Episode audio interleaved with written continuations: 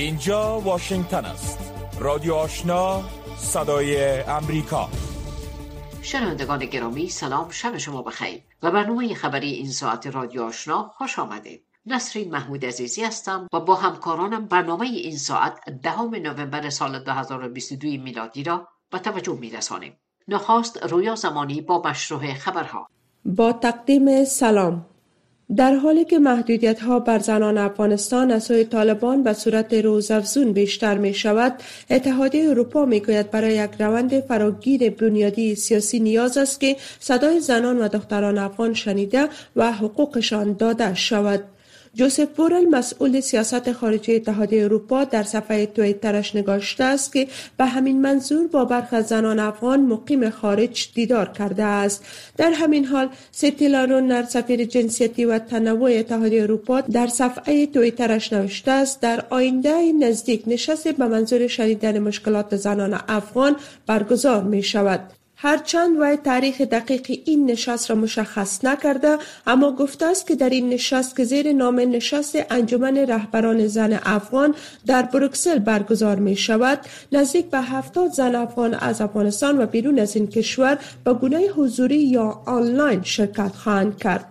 با گذشت یک هفته از بازداشت ظریفه یعقوبی و چهار همکارش توسط طالبان شماری از فعالان حقوق زن از مقامهای این گروه خواستند که آنان را باید هرچی زودتر آزاد کنند.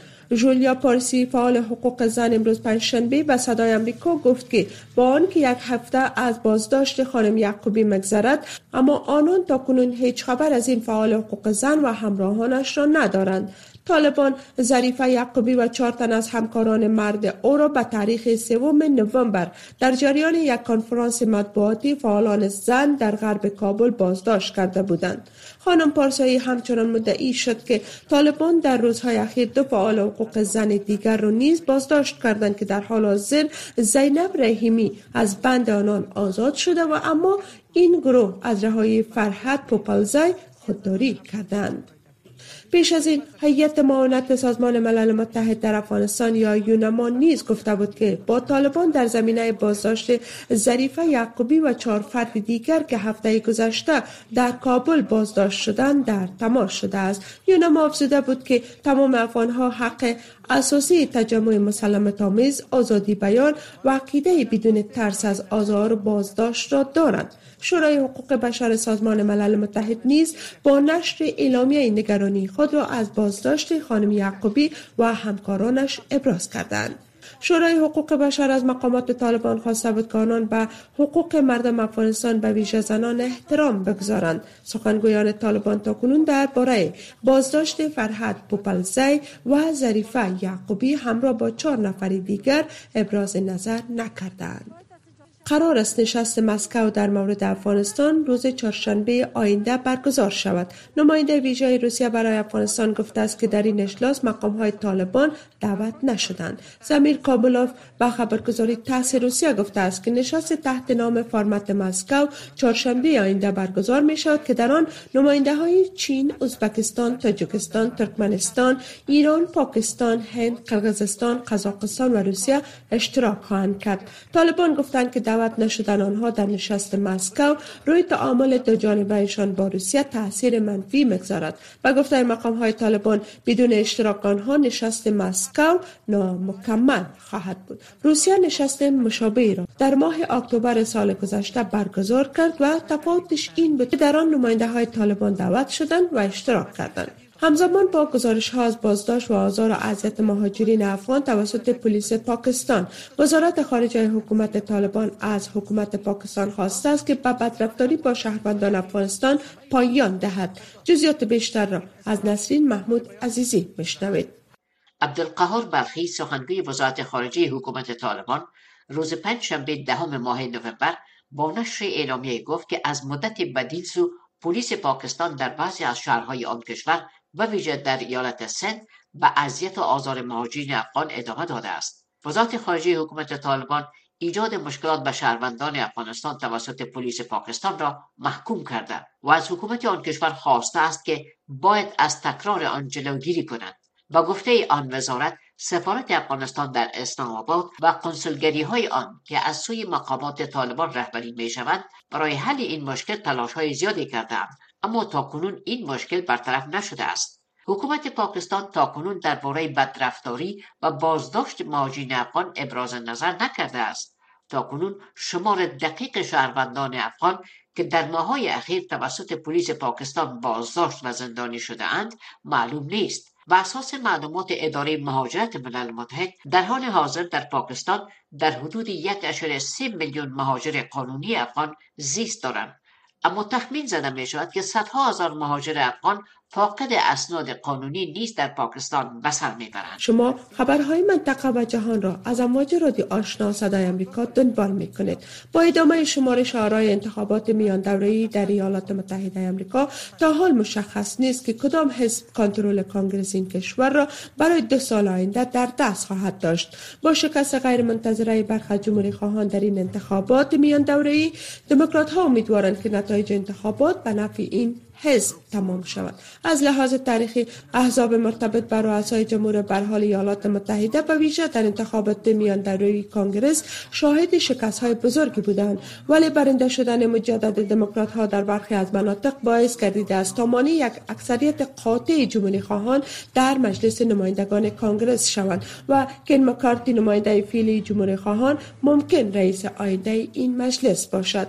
در این حال ایالات متحده شاهد نتایج غیر منتظره رقابت تنگ در مجلس سنای کانگرس نیز بوده است. جو بایدن رئیس جمهور ایالات متحده در واکنش به بیرون شدن نیروهای روسی از شهر استراتژیک خرسون اوکراین گفته است که این اقدام نشان می دهد که مسکو در جنگ با کیف مشکلات واقعی دارد. رئیس جمهور آمریکا پس از انتخابات میان در واشنگتن گفت که در بخش سیاست خارجی امیدوار است روش دو حزبی مقابله با پرخاشگری روسیه در اوکراین را ادامه بدهیم. از سوی دیگر رجب طیب اردوغان رئیس جمهور ترکیه امروز پنجشنبه از تصمیم روسیه برای خروج از شهر خرسون به عنوان یک تصمیم مثبت و مهم استقبال کرد. اردوغان در گفتگو با خبرنگاران قبل از رفتن به اجلاس کشورهای ترک در ازبکستان نگفت که آیا این تصمیم می تواند به مذاکرات بین روسیه و اوکراین منجر شود یا خیر اما گفت که ترکیه تلاش های میانجیگری خود را بی وقفه ادامه می دهد. نیکولای پترشف مشاور امنیت ملی روسیه و علی شمخانی منشی شورای امنیت ملی ایران درباره جنگ اوکراین امنیت و سایر مسائل مربوط بحث کرد. شورای امنیت ملی روسیه از این مطلب خبر داد. این شورا گفته است که پتروشف چهار روز قبل به تهران سفر کرده و ایران برای اولین بار پذیرفته که به روسیه تیاره های بدون سرنشین را داده است. روسیه توسط تیاره انتحاری بدون سرنشین ایران که به بک مکازا مشهور است بر شهرهای مختلف اوکراین حمله کرده است. رئیس اداره انرژی هسته‌ای سازمان ملل متحد گفته است که ایران در نشست اخیر در ویانا درباره برنامه هسته‌ای خود هیچ مورد جدید ارائه نکرده است. اما افزوده است که مذاکرات در هفته های آینده ادامه خواهد یافت. تهران در دوم نوامبر اعلام کرد که هیئت را به ویانا میفرستد تا اختلافات خود را با سازمان بین المللی انرژی اتمی که در تلاش از نظارت و فعالیت های هسته‌ای ایران را زیر نظر داشته باشد کاهش دهد. رایفل مارینو گروسی مدیر ارشد سازمان بین المللی انرژی اتمی می‌گوید آنچه مردم ممکن است انتظار آن را داشته باشند خبر است یا اینکه آیا ما در تحقیقات آزاد خود پیشرفت داشته ایم یا خیر؟ و این موضوع برای کسی نهفته نیست که نتوانسته ایم برخی از عناصر ملموس را ثبت کنیم. ما فرصت داریم تا دوباره نظارت را شروع کنیم اما این تفاوت پس از نشر گزارش عمومی سازمان ملل متحد رخ خواهد داد. در کنار سایر تضمین ها به منظور احیای توافق هسته‌ای سال 2015 ایران به دنبال توقف تحقیقات سازمان بین المللی انرژی اتمی درباره فعالیت های هسته‌ای ایران است. و در خبر اخیر اندونزیا که میزبان نشست سرانه گروه جی 20 می باشد تایید کرده است که ولادیمیر پوتین رئیس جمهور روسیه در این گرد همایی 20 اقتصاد بزرگ جهان که از 15 نوامبر در بالی آغاز می شود شرکت نخواهد کرد. جودی مارادی سخنگوی وزارت هماهنگی امور بحری و سرمایه گذار اندونزیا بیان داشته است که سرگی لوفروف وزیر خارجه این کشور در این نشست نمایندگی خواهد کرد. پوتین ممکن در یک از این نشست ها به صورت آنلاین شرکت کند. شنونده های محترم این بود مشروع خبرها تا این لحظه. از امواج رادیو آشنا صدای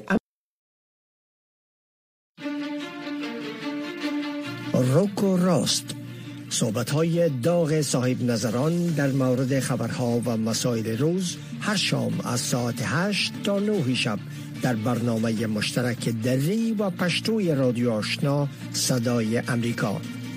بخش زنده این برنامه را در نشرات ماهواره صدای امریکا نیز دنبال کرده می توانید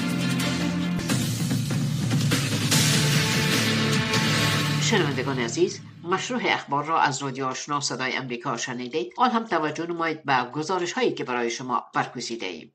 وزارت امر به معروف و نهی از منکر طالبان در تازه ترین اقدام برای اعمال دستورات سختگیران علیه اناس روز چهار شنبه در شهر کابل و زنان اجازه ندادن وارد پارک های تفریحی شوند. زنان افغان می‌گویند که با عنوان انسان حق دارند زندگی کنند. قدیر مشرف با جزیات بیشتر. زنان افغان روز چهارشنبه نهم نوامبر در شهر کابل از داخل شدن در پارک های تفریحی منع شدند. این اقدام پس از آن اتخاذ شد که وزارت امر به معروف و نهی از منکر حکومت طالبان گفت که محدودیت های برای دسترسی زنان افغان به پارک های تفریحی وجود خواهد داشت. یک سخنگوی وزارت امر به معروف و نهی از منکر طالبان به رویترز عدم دسترسی زنان به پارک های تفریحی را تایید کرد اما جزئیات بیشتری در رابطه ارائه نکرد. در دوره نخست حاکمیت طالبان نیز محدودیت های زیاده به گونه تدریجی بر فعالیت های زنان وضع شده بود که هرگز برطرف نشد.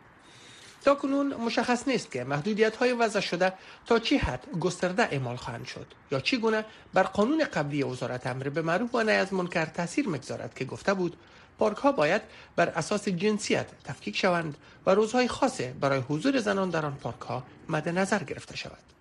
رویترز گزارش می دهد که بلال کریمی معاون سخنگوی حکومت طالبان به درخواست ارائه نظر در رابطه به رویترز پاسخ نداده است.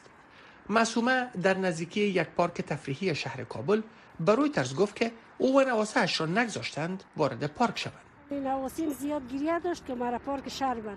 اینجا کامدم اجازه ندادن که ما داخل تخرک ببریم. بسیار مایز شده پس به خانه میبرمش. دو کارمند پارک های تفریحی که نخواستند نامشان افشا شود به رویترز گفتند که طالبان با آنها گفتند تا به زنان اجازه داخل شدن به پارک ها را ندهند. باید از اجازه بتن کرده طفلای خود که باشن و از اینکه اولادا چی ندیده خیلی شار جنگ زده است. باید از ساعتشان تیر و برن یک ساعت بشینن آمدم زیاد توزر کردم گفت اجازه نیست پس نواسی خود خانه می‌برم. از آغاز تسلط طالبان بر افغانستان در سال گذشته. افراد طالبان گفتند که زنان نباید بدون محرم و یا اقارب نزدیک مرد از منزل بیرون شوند. آنان تاکید کردند که زنان باید چهره هایشان را بپوشانند. هرچند برخی زنان در مراکز شهرها از این دستور طالبان سرباز زده و برخی هم اجازه کار در دفاتر دولتی را دریافت کردند. محمد یوسف باشنده شهر کابل به این باور است که زنان بایست بر اساس شریعت خود را بپوشانند. هم یک بشر است که انسان است. موم هستیم. هم حق داره به شرایط. به شرایط. لوچ نه. پود اما چیزی که رواج افغان است. گروه طالبان همچنان به خاطر عدم تحقق تعهدشان مبنی بر آغاز مکاتب دوره متوسطه و لیسه دختران با انتقاد شدید مواجهند. حکومت های غربی گفتند که این گروه نیاز دارد تا راهکار خود را در خصوص حقوق زنان به هر آن مسیر تغییر دهند تا حکومت طالبان به رسمیت شناخته شود. سخنگویان حکومت طالبان همواره تاکید ورزیدند که به حقوق زنان در پرتو تفسیر آنان از قوانین اسلامی احترام گذاشته و زنان افغان در یک سال اخیر از همه حقوق خود برخوردارند. این اظهارات در حال بیان می شود که زنان حق کار، تحصیل در مکاتب بالاتر از صنف ششم، حضور در اجتماعات و فعالیت های فرهنگی را در یک سال اخیر نداشتند و اکنون هم از رفتن به پارک های تفریحی منع شدند.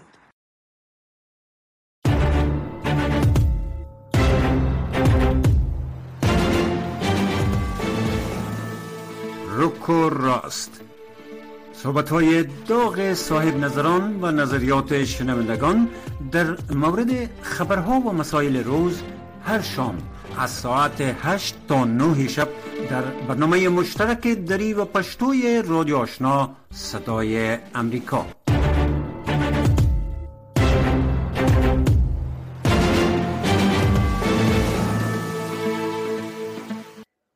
خب شنونده های عزیز شما شنیدید که وزارت امر به معروف و نهی از منکر حکومت طالبان در یک اقدام تازه ورود زنان به پارک های تفریحی را منع کردند. این در حال است که قرار است به زودی نشستی در مورد زنان افغان از سوی اتحادیه اروپا دایر شود. این اتحادیه می‌گوید به یک روند فراگیر بنیادی سیاسی نیاز است تا صدای زنان و دختران افغان شنیده شده و حقوقشان داده شود.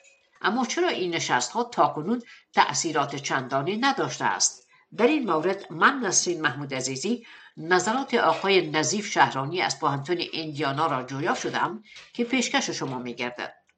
آقای شهرانی در حالی که اولین نشست رهبران زن افغان به تاریخ دهم ماه مارچ سال جاری در بروکسل برگزار شده بود و در اون نشست زنهای افغان خواستهای خود در روند سیاسی افغانستان مطرح کردند اما این تلاش ها تا حال نتیجه ملموس نداشته و وضع قیودات بر زنها بیشتر شده میره به نظر شما چرا این کار صورت می‌گیره؟ چرا اینطور است؟ ببینیم مسئله اساسی در اینجاست که کسایی که قدرت به نام طالبان معرفی کردن در صحنه سیاسی افغانستان ضدیت کلی در فلسفه با خانما دارند اینا ضدی حقوق زنها هستند اینا کسایی هستند که از دیو قریجاتی که آمدن و این عقیده هستند که باید خانما در خانه باشند و بیرون از خانه نباشند تعلیم و نداشته باشند و مثل قدیم که اینا خودشان اگر مادری هم داشتن باید او را در هجاب نگاه بکنن هجاب هم به معنی که عقبی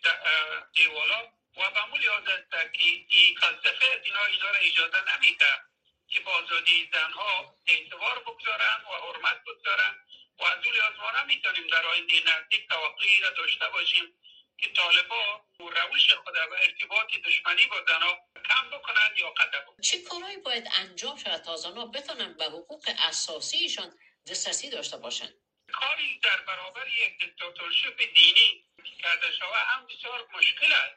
من فکر می‌کنم خانما در افغانستان خصوصا در کابل قهرمانی فوقالعاده زیاد نشان دادن. همیشه اینا به تظاهراتشان و اعلامی ضدیتشان با پالیسی های طالبا دوام دادن و این باید نه تنها دوام پیدا بکنه بلکه بلکه وسط پیدا بکنه. و در صورت امکان مردم در پهلویشان قرار بگیرن و در مکاتب و دانشگاه ها اگر ممکن باشه امکان تظاهرات برای انداخته شود. اینا آماده هستند. حتی کسایی که تظاهرم در کوچه و بازار برای اونا رو بکشن. اما اقلا در قسمت خانم های کمک اینا تا هنوز از کشتار دست نبرداشتن اما به حدی که ترس و ایراس بود هم واقعی نشدن. اما در برابر مردا اینا هیچ چیزی نشان ندادن هم نشان ندادن. و به مو یادم که ترس و بیم و واهمه را در فکر مردها خلق کردن که اونا در پهلوی مادرها و خواهرها و دخترها خودشان نباشن. تا چه زمان طالبان با وضع قیوداتشان بر زنها ادامه خواهد دادن؟ امیدوار هستیم به وعده ای که از خداوند شده که ظالم هیچ وقت در قدرت نمی‌تونه دوام پیدا بکنه. تا وقتی که طالبا در قدرت بوده باشند این مشکل ممکن دوام پیدا بکنه اما با وعده الهی که بر ما داده شد. ظالم نمی‌تونه در قدرت چی بوده باشه دوام پیدا بکنه. چون اینا از جمله ظالما و منافقای بزرگی هستند که بر ضد وعده های الهی بر ضد حقوق خداوند بر خانما داده بر ضد عمل می‌کنن ظلم می‌کنن انشاءالله پایدار نخواهد بودن و تنها در عدم وجود از اینا ما می‌تونیم امیدوار باشیم که خانما حقوق خود دوباره به دست بیارن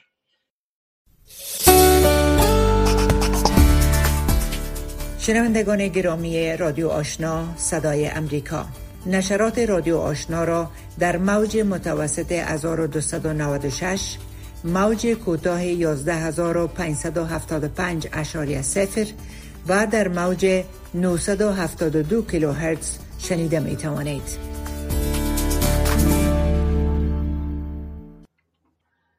کنفرانس تغییر اقلیمی سال 2022 سازمان ملل متحد در تفرجگاه شرم الشیخ مصر برگزار شد و از ششم تا 18 ماه نوامبر ادامه خواهد داشت. با اینکه افغانستان از سال 2002 تا کنون عضویت کنونسیون تغییر اقلیم را کسب کرده است اما در این کنفرانس نماینده از افغانستان حضور نداشت. افغانستان از لحاظ تغییرات اقلیمی چه صدماتی را متحمل شده است و عدم حضور افغانستان در کنفرانس تغییر اقلیمی به چی معنا خواهد بود؟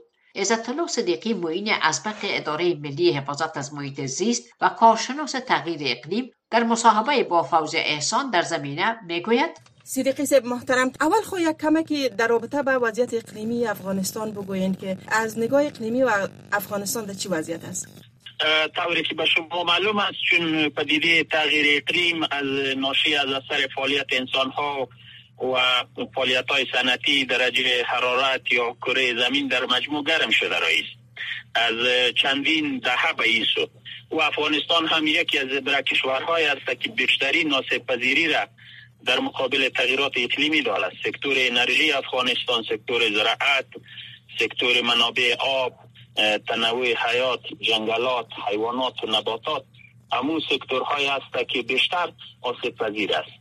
بر علاوه از او همراه تغییرات اقلیمی حوادث طبیعی مانند خشکسالی ها سیلاب ها بلند رفتن آنی درجه حرارت در فصل تابستان و پایین رفتن درجه حرارت در فصل زمستان از اثرات عمده تغییر اقلیم در افغانستان است که مناطق و ساحات مختلف افغانستان و به اشکال مختلف متاثر ساختن و در اگست از این سال ما شما دیدیم که در افغانستان هم خشکسالی وجود داشت و هم بارندگی های غیر فصلی صورت گرفت که باعث سیلاب های بسیار مدهش در بیشتر ولایات شد. و صدها زخمی و شهید به جا گذاشت و خانه های مردم تخریب کرد و همچنان زمین های زراعتی و یارم متاثر و تخریب ساخت صدیقی صاحب محترم افغانستان در کنفرانس های بین المللی مدت میشه حضور نداره. به نظرتان عدم حضور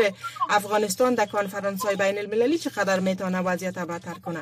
بله قسمی که قبلا گفتم که افغانستان یک کشور متاثر از تغییر اقلیم است برمی مبنا در سال 2002 دولت پیشین افغانستان عضویت کنوانسیون تغییر اقلیم که مربوط ملل متحد است را کسب کرده و امی کنفرانس هایی که آل در شرم الشیخ مصر برگزار شده 27 مین کنفرانس است. یعنی از 2002 به این طرف افغانستان هم در این کنفرانس ها سالانه اشتراک فعال داشت. و این کنفرانس ها جای است که مقامات عالی رتبه دولت انجوها مؤسسات جامعه مدنی بانتون ها میرن دوجه صدای از این مردم بلند می‌کنن. آسیب پذیری افغانستان دوجه میگن که افغانستان چقدر متاثر است چقدر آسیب پذیر است و کدام منابع مالی ما نیاز داریم و کدام منابع تکنیکی نیاز داریم. تجارب دیگه کشورها را چطور ما در انتقال داده می‌تونیم تا با خشکسالی چطور مبارزه شود.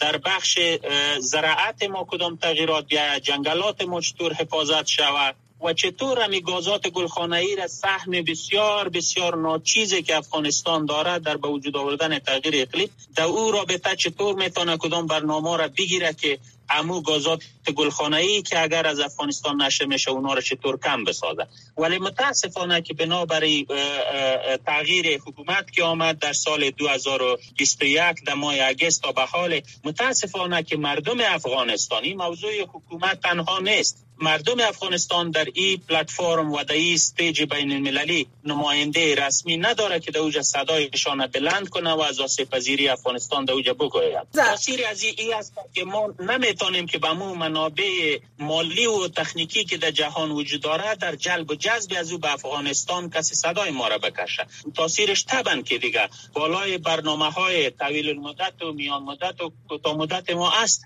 که برای جنگلات برای زراعت برای منابع آب برای مبارزه با خشکسالی مبارزه با کاهش حوادث طبیعی اینی صدای ما دیگه خاموش مانده. صدیقی صاحب گفته شده که افغانستان به خاطر نداشتن حکومت مشروع دعوت نشده.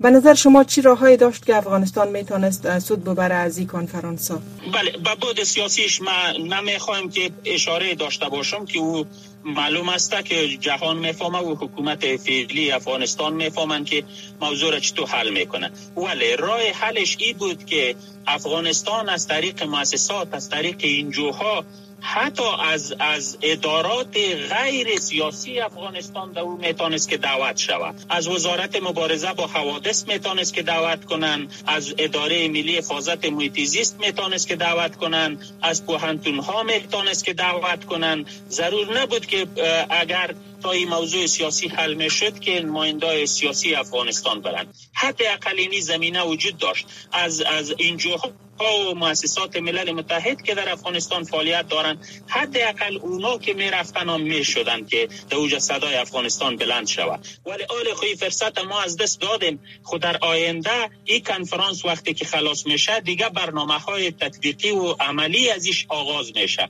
از ما تقاضای ما از جهان نمی است من حیث متخصصین که حداقل در اون برنامه ها از افغانستان دعوت کنن از دیگه سکتورایش نه از سیاسیونش. رادیو آشنا صدای امریکا منبع موثق خبرها و گزارش های جهان و افغانستان. با ادامه شمارش آرای انتخابات میان دوری در ایالات متحده امریکا تا حال معلوم نیست که کدام حزب کنترل کانگرس این کشور را برای دو سال آینده در دست خواهد داشت. با شکست های غیر منتظره بعضی از جمهوری خواهان در این انتخابات دموکرات ها امیدوارند که نتایج انتخابات به نفع این حزب تمام شود. جریانات انتخابات را از همکار ما سید عزیز رحمان میشنوید. تا کنون واضح نیست که آیا رئیس جمهور جو بایدن برای دو سال آینده نیز با یک کانگرس تحت کنترل دموکرات ها کار خواهد کرد یا خیر اما جو بایدن ادعای پیروزی دارد.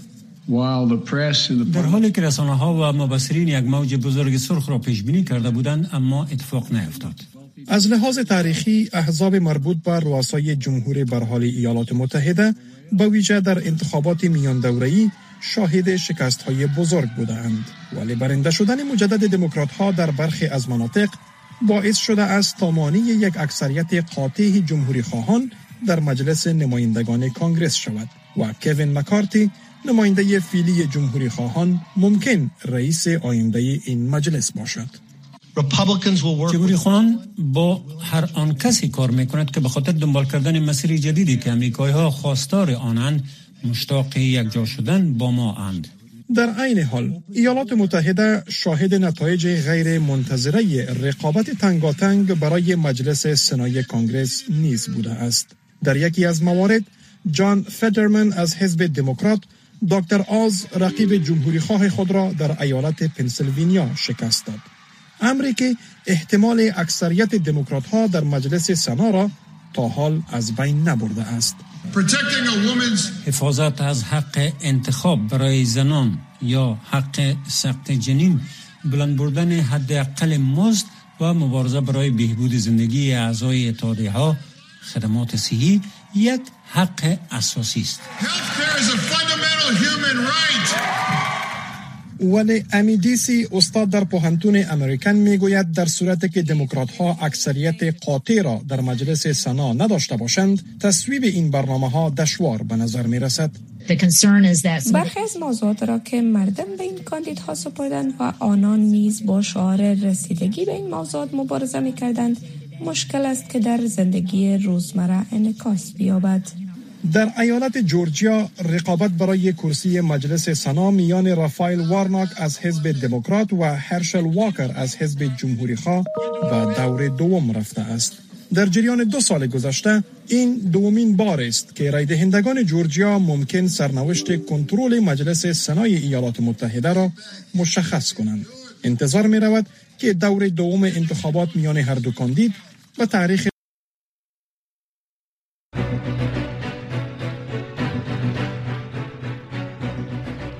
شنوندگان گرامی این بود داشته های این برنامه خبری که در همین جا به پایان رسید. اما چند لحظه بعد همکاران ما با برنامه های رک و راست مستقیما با شما عزیزان در تماس خواهند بود. با ما باشید.